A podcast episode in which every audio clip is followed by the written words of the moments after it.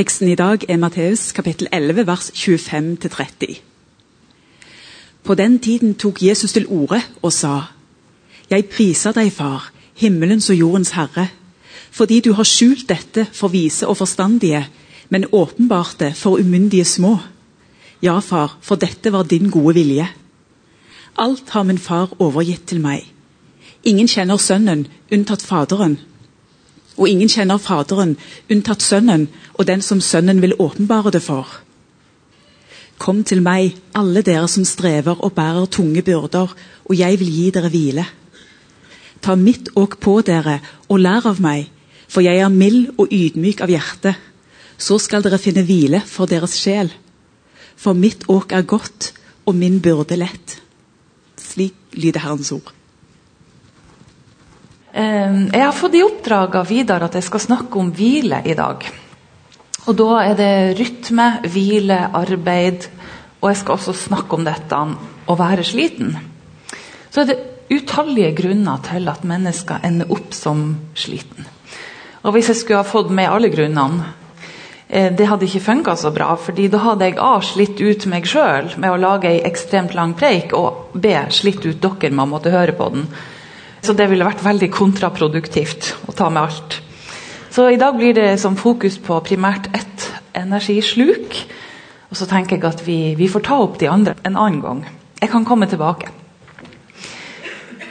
Forresten, tusen takk for um, kollekten. Takk. Det er godt å vite at jeg har søsken som vil være med og støtte. Jeg kommer fra Sørreisa i Troms og har vokst opp med foreldre som jobba som lærere. og I tillegg til det så drev vi gårdsbruk. Et bitte lite og jeg har skjønt i ettertid ganske ulønnsomt gårdsbruk med noen få sauer. Det var altså definitivt sauehold på hobbybasis.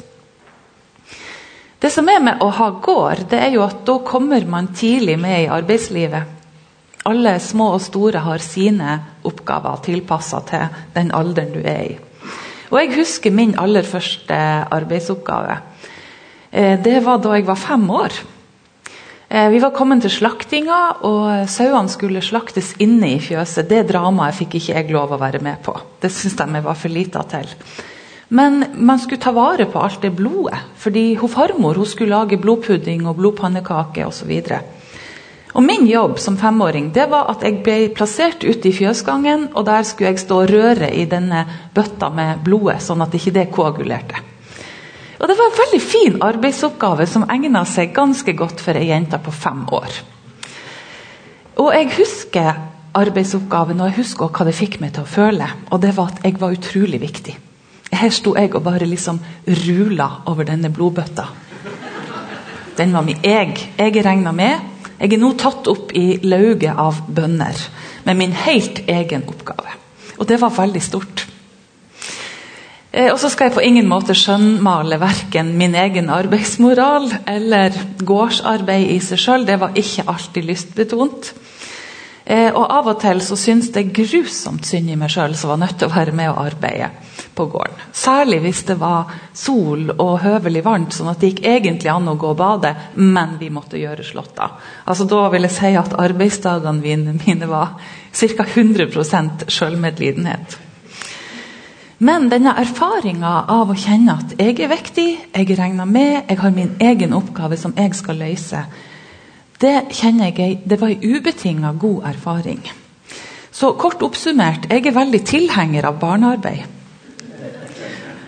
Eh, det vil si, Jeg er jo ikke tilhenger av at barn skal ha ansvar for å forsørge familien sin. Så langt trenger vi ikke å dra det. Men jeg er tilhenger av at barn tidlig skal få en oppgave som er deres. Og ha ansvar for den og si at dette er det du som skal gjøre. Du er regna med, og din innsats den betyr noe. Og Det er nok veldig på tvers av det som er gjengs barneoppdragelse i dag. Jeg er 70-talls, og det hører man jo på meg. Men det å vite at det jeg har å bidra med, det betyr noe. Jeg er regna med. Det er rett og slett velsigna godt. Du får ei sunn selvoppfatning av å vite at du er regna med. Så var det ikke bare foreldrene mine som satte meg tidlig i arbeid, som ville at jeg skulle vite at jeg var viktig. og at innsatsen min betydde noe. Fordi der var det også at Gud la lista, og han la lista der fra dag én. Med en gang mennesket var skapt, så ble mennesket satt i arbeid. Vi fikk jobben med å råde over jorda i samarbeid med Gud. Som hans egne medarbeidere. Vi var betrodd å ta vare på denne verden. Vi skulle utvikle og dyrke den. Vi skulle bruke de råmaterialene som verden var full av. Vi skulle holde jorda i balanse og sørge for at den var sunn. Vi skulle få næring ut av den. Vi skulle lage bygninger og veier og klær. Og vi skulle utvinne metaller osv. Alt dette som kalles for egentlig å lage kultur. Kultivering av jorda. Det var vår jobb. Det skulle være til velsignelse for menneskene, og det skulle være til ære for Gud. Vi var skapt fra dag én for arbeid. Hver med sine individuelle egenskaper. Og Gud har, har lagd så mange forskjellige evner og egenskaper. Og Det var meninga at alle skulle realisere det potensialet som var lagt ned i hver av oss. Vi skulle bare fullt og helt bli det Gud hadde forhåndsprogrammert oss til å bli, gjennom å løse de oppgavene vi egna oss for. Når Gud hadde skapt mennesket og satt det i arbeid, så oppsummerer han med det var godt. Dette var godt. Mennesket hadde det godt. Jorda ble godt tatt vare på. Og Legg merke til det at arbeidet det var en del av den velsignelsen vi fikk. Arbeidet var en av de tingene som skulle gjøre oss godt, som skulle gjøre oss glad, som skulle gjøre at vi trivdes og vokste og bare liksom Ja, velsigna. Og så er jo det evinnelige retoriske spørsmålet hvor lenge var Adam i paradis? Hvor lenge hadde Adam bare arbeidsglede og trivsel og mening og hvor lenge kunne han holde på fra morgen til kveld uten å bli stressa, uten å bli sliten, men bare liksom glede? Ifølge Bibelen veldig kort tid. Adam og Eva de lar seg friste av synd. De faller for fristelsen, og de drar med seg hele tilværelsen i syndefallet. Alt som var godt, ble eh, dratt med. Hvis jeg får opp på skjermen her fra 1. Mosebok 3, 17-19 Adam får denne forferdelige beskjeden fra Gud. Og til mannen sa han, fordi du hørte på kvinnen og spiste av treet som jeg forbød deg å spise av, er jorden forbannet for din skyld. Med strev skal du nære deg av den alle dine levedager. Den skal la torn og tistel spire fram for deg, og du skal spise av det som vokser på marken. Med svette i ansiktet skal du spise ditt brød, inntil du vender tilbake til jorden, for av den er du tatt. Støv er du, og til støv skal du vende tilbake. Åh, for et bibelvers. Jeg syns jo at det er ganske mange andre bibelvers som er virkelig mye mer gledelig enn akkurat dette her. Med strev skal du nære deg, og med svette i ansiktet skal du spise ditt brød. Forbannelsen kom over arbeidet. Og det som egentlig var meint å gjøre oss bære godt, det begynte nå å gjøre oss sliten i stedet. Etter den tid så har arbeidet alltid befunnet seg midt i et sånt spenn. På den ene sida er det velsigna, og det er godt, og det er meningsfullt, og det gir oss en deilig opplevelse av sjølrealisering og å være i flytsonen, og vi har det gøy. Men på den andre side, det er forbanna. Det er slitsomt. Og vi opplever det innimellom som meningsløst, og det tærer oss, og det er tungt, og det er mørkt. Og Jeg tror ikke man trenger å delta så veldig lenge i arbeidslivet. Enten ute eller arbeidslivet hjemme, som jo er en minst like viktig del av arbeidslivet, før man erfarer at og nettopp det stemmer. Her er det virkelig begge deler. Dette er godt, men du verden, det er også tungt og vondt. Eh, jeg jobber som sjelesørger og veileder en dag i uka. Og De som kommer eh, for å snakke med meg, eh, de har én ting til felles, alle sammen. Og det er at akkurat nå går det dårlig. Faktisk, Det har aldri skjedd ever at noen har ringt meg og sagt kan jeg få snakke med deg fordi akkurat nå har jeg det så bra. Så det er veldig sånn forutsigbart. Folk kommer fordi det går dårlig. Og det som også begynner å bli ganske forutsigbart, det er jo at kanskje nå har ikke jeg telt, da, men jeg vil gjette mellom 50 og 70% av dem som kommer til meg, de kommer med den samme problemstillinga, bare formulert litt forskjellig. Og det er jeg er så sliten. Jeg kjenner meg helt kjørt. Det er for mye nå. Jeg har tatt for hardt i. Jeg er helt sykemeldt, eller jeg er delvis sykemeldt. Og noen dager sier de jeg vet ikke om jeg orker mer. Og så er det salt i sårene at man føler at man burde ha orka mer. Jeg burde jo tåle arbeidspresset. Jeg burde jo tåle belastninga med jobb og det jeg har av forpliktelser hjemme og ellers. Jeg burde tåle tempoet. Jeg burde jo tåle full arbeidsuke. Hva er galt med meg når jeg ikke klarer 37,5 timer? Og Den tanken der, jeg burde, den hjelper absolutt ingenting. Ikke i det hele tatt. Fordi den utgjør nok et energisluk. Det er akkurat som en ekstraforbannelse på toppen av forbannelsen. Jeg burde. Vi blir enda mer sliten av å tenke at vi ikke burde være sliten når vi faktisk er det. Vi blir enda mer sliten av å tenke at vi ikke burde være sliten når vi faktisk er det. Og vi blir enda mer nedfor når vi gir alt vi har, men vi tenker at jeg burde gitt mer. Ja, Men her er jo ikke mer å gi. Du gir jo alt du har. Den vanligste kilden som jeg har i fall eh, sett og kartlagt til at man tenker at 'jeg burde', det er fordi man sammenligner seg med andre. Og så ser man på andre, og de ser jo ut til å tåle og takle mer enn oss.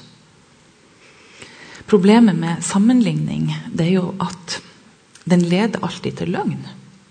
Sammenligning leder alltid til løgn, nemlig at jeg burde være noe og noen som jeg ikke er.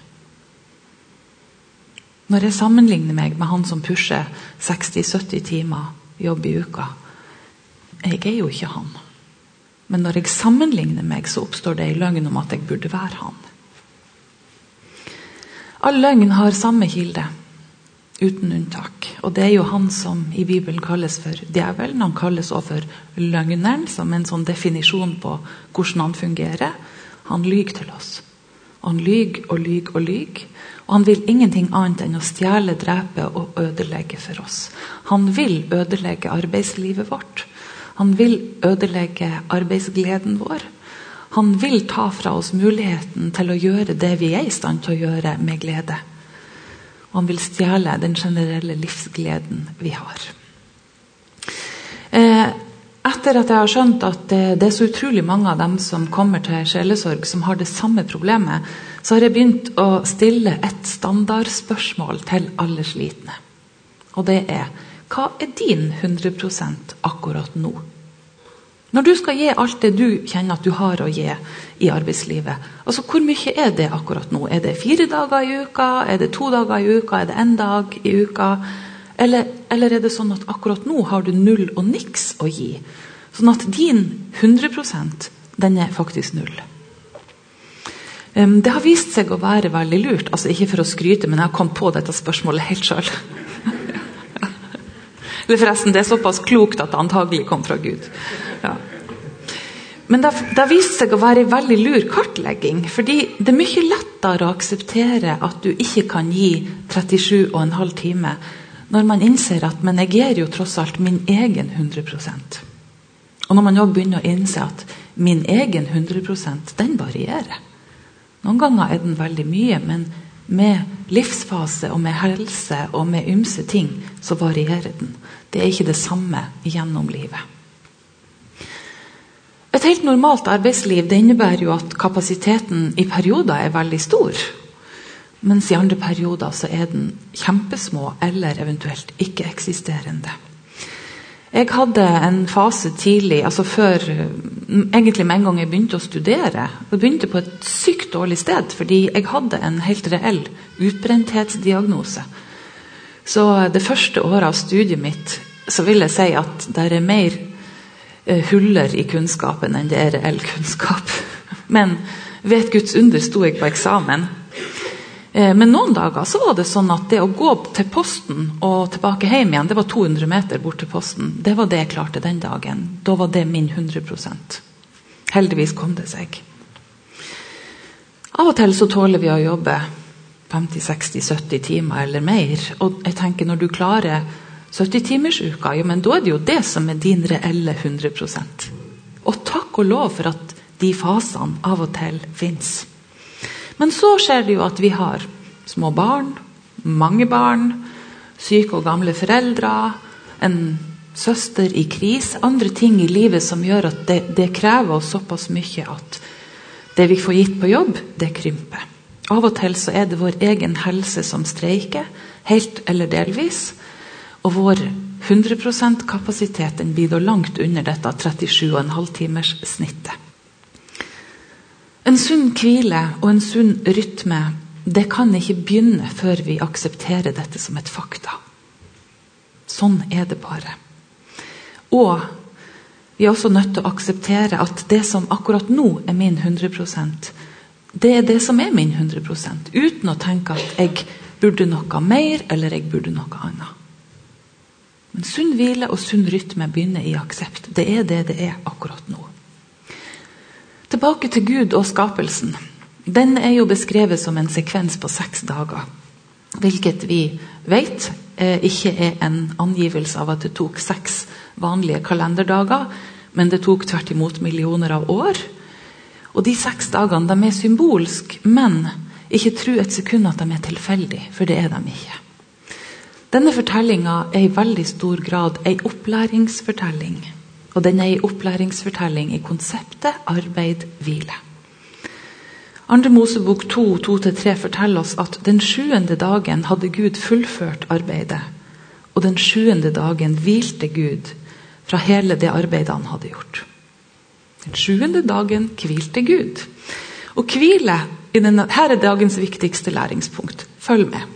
Hvile i denne sammenhengen det betyr ikke at nå var Gud sliten og utkjørt og helt ferdig etter denne strevsomme arbeidsuka si med skapelse.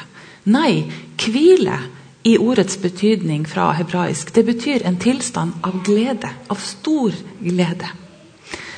Den syvende dagen så bruker Gud en hel dag til å bare nyte fruktene av sitt eget arbeid.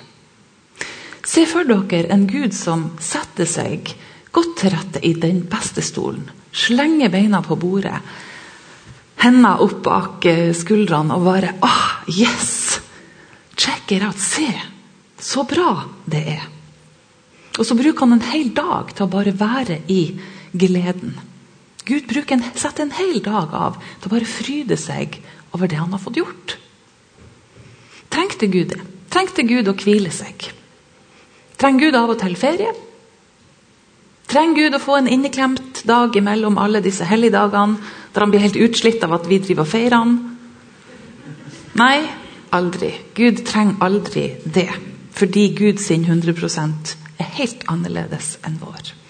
Gud trengte ikke å hvile for sin egen del. Gud hviler for å lære oss det. Gud gleder seg over sitt arbeid for å lære oss å glede oss over vårt arbeid. Gud nyter fruktene av sin egen innsats for å lære oss å nyte fruktene av vår egen innsats. Om den er stor eller den er liten. Gud er Gud og går aldri tom for kraft. Men vi er mennesker, så vi gjør det. Vi går tom for kraft. Det er vi som trenger hvilen, og det er Gud som viser oss hvordan. Og han viser oss med å ta den syvende dagen fri. Den skal du bruke til å bare glede deg og nyte fruktene av ditt arbeid. Og Hvis du i likhet med meg ikke bruker å få det til på søndagene, så ta en annen dag som din hviledag men hvil deg hver sjuende dag. Og bruk dagen sånn som Gud, til å glede deg over alt det du har fått til. Bruk den syvende dagen til å være fornøyd. Se hva jeg har fått gjort. Vi har en ukerytme og vi har også en dagsrytme som innebærer å hvile. Altså På et eller annet tidspunkt i løpet av kvelden så går man til ro. Vi avrunder aktiviteten, og vi avrunder arbeidet. Jeg må innrømme at ganske mange ganger så avrunder jeg min dag med å tenke på alt jeg har å gjøre i morgen. Og neste uke. Og uka etter det. Så jeg går og legger meg med tyngden av arbeidsbyrden min. Det er ikke den beste sengekameraten du kan ha. Å legge seg med tyngden av arbeidsbyrden sin. Og Noen ganger må jeg òg innrømme at kveldsbønna mi det er mer et sted der jeg prøver å dra Gud inn i mitt stress, enn et sted der jeg veksler inn stress med hvile og fred. Selv om det er fredsfyrsten jeg dealer med, og jeg vet at det han vil gi meg, er fred. Men jeg bruker ikke bønner til å veksle inn stress med fred. Jeg bare prøver å dra den inn i stresset mitt. Jeg hviler ikke alltid sånn som Gud, med å lene meg tilbake og fryde meg over alt jeg fikk gjort. Men så er jeg en disippel. Og det å være en disippel, en lærling, det er jo nettopp å være under opplæring hele livet. En som holder på. Jeg er ei som holder på å lære meg å hvile sånn som Gud. I glede over det jeg har fått gjort. Jesus sier, 'Kom til meg, alle dere som strever og bærer tunge byrder, så vil jeg gi dere hvile.' Ta mitt åk på dere og lær av meg. Jeg er mild og ydmyk av hjerte. Så skal dere finne hvile for deres sjel. For mitt åk er godt, og min byrde er lett. Dette er ordene til han som har som sin store jobb å gjenopprette det som syndefallet ødela. Blant annet driver Jesus og gjenoppretter arbeidets velsignelse. Og han driver og reverserer arbeidets forbannelse.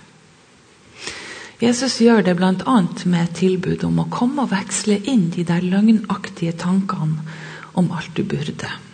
Kom og veksle dem inn med noe helt annet. Fordi det jeg har å gi deg, det er en lett byrde. Det jeg har å gi deg, det er hvile for din sjel. Det jeg har å gi deg, det er å hvile sånn som Gud, der du fryder deg over det du fikk gjort.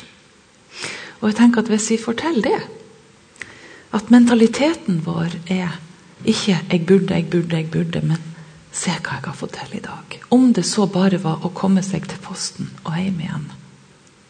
Så tenker jeg at da har vi allerede begynt å tette igjen et ganske stort energisluk. For da er vi med på å gi vår egen sjel fred.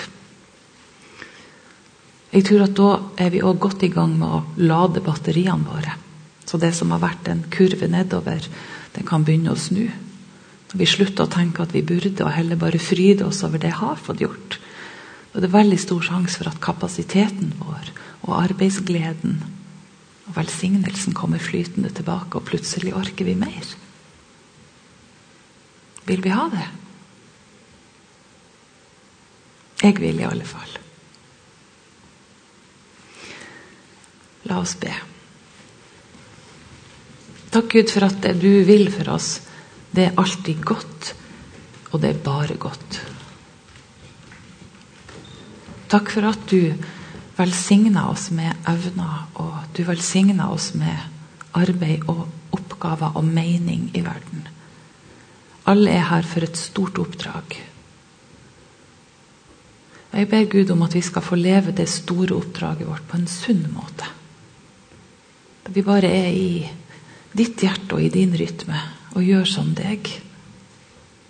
Og finner hvile for vår sjel mens vi er i drift. Jeg ber om senka skuldre for den uka som kommer. Jeg ber om senka skuldre når vi går og legger oss. Og at avrundinga av dagen skal være et sted der vi bare veksler inn stress med fred og glede. Amen.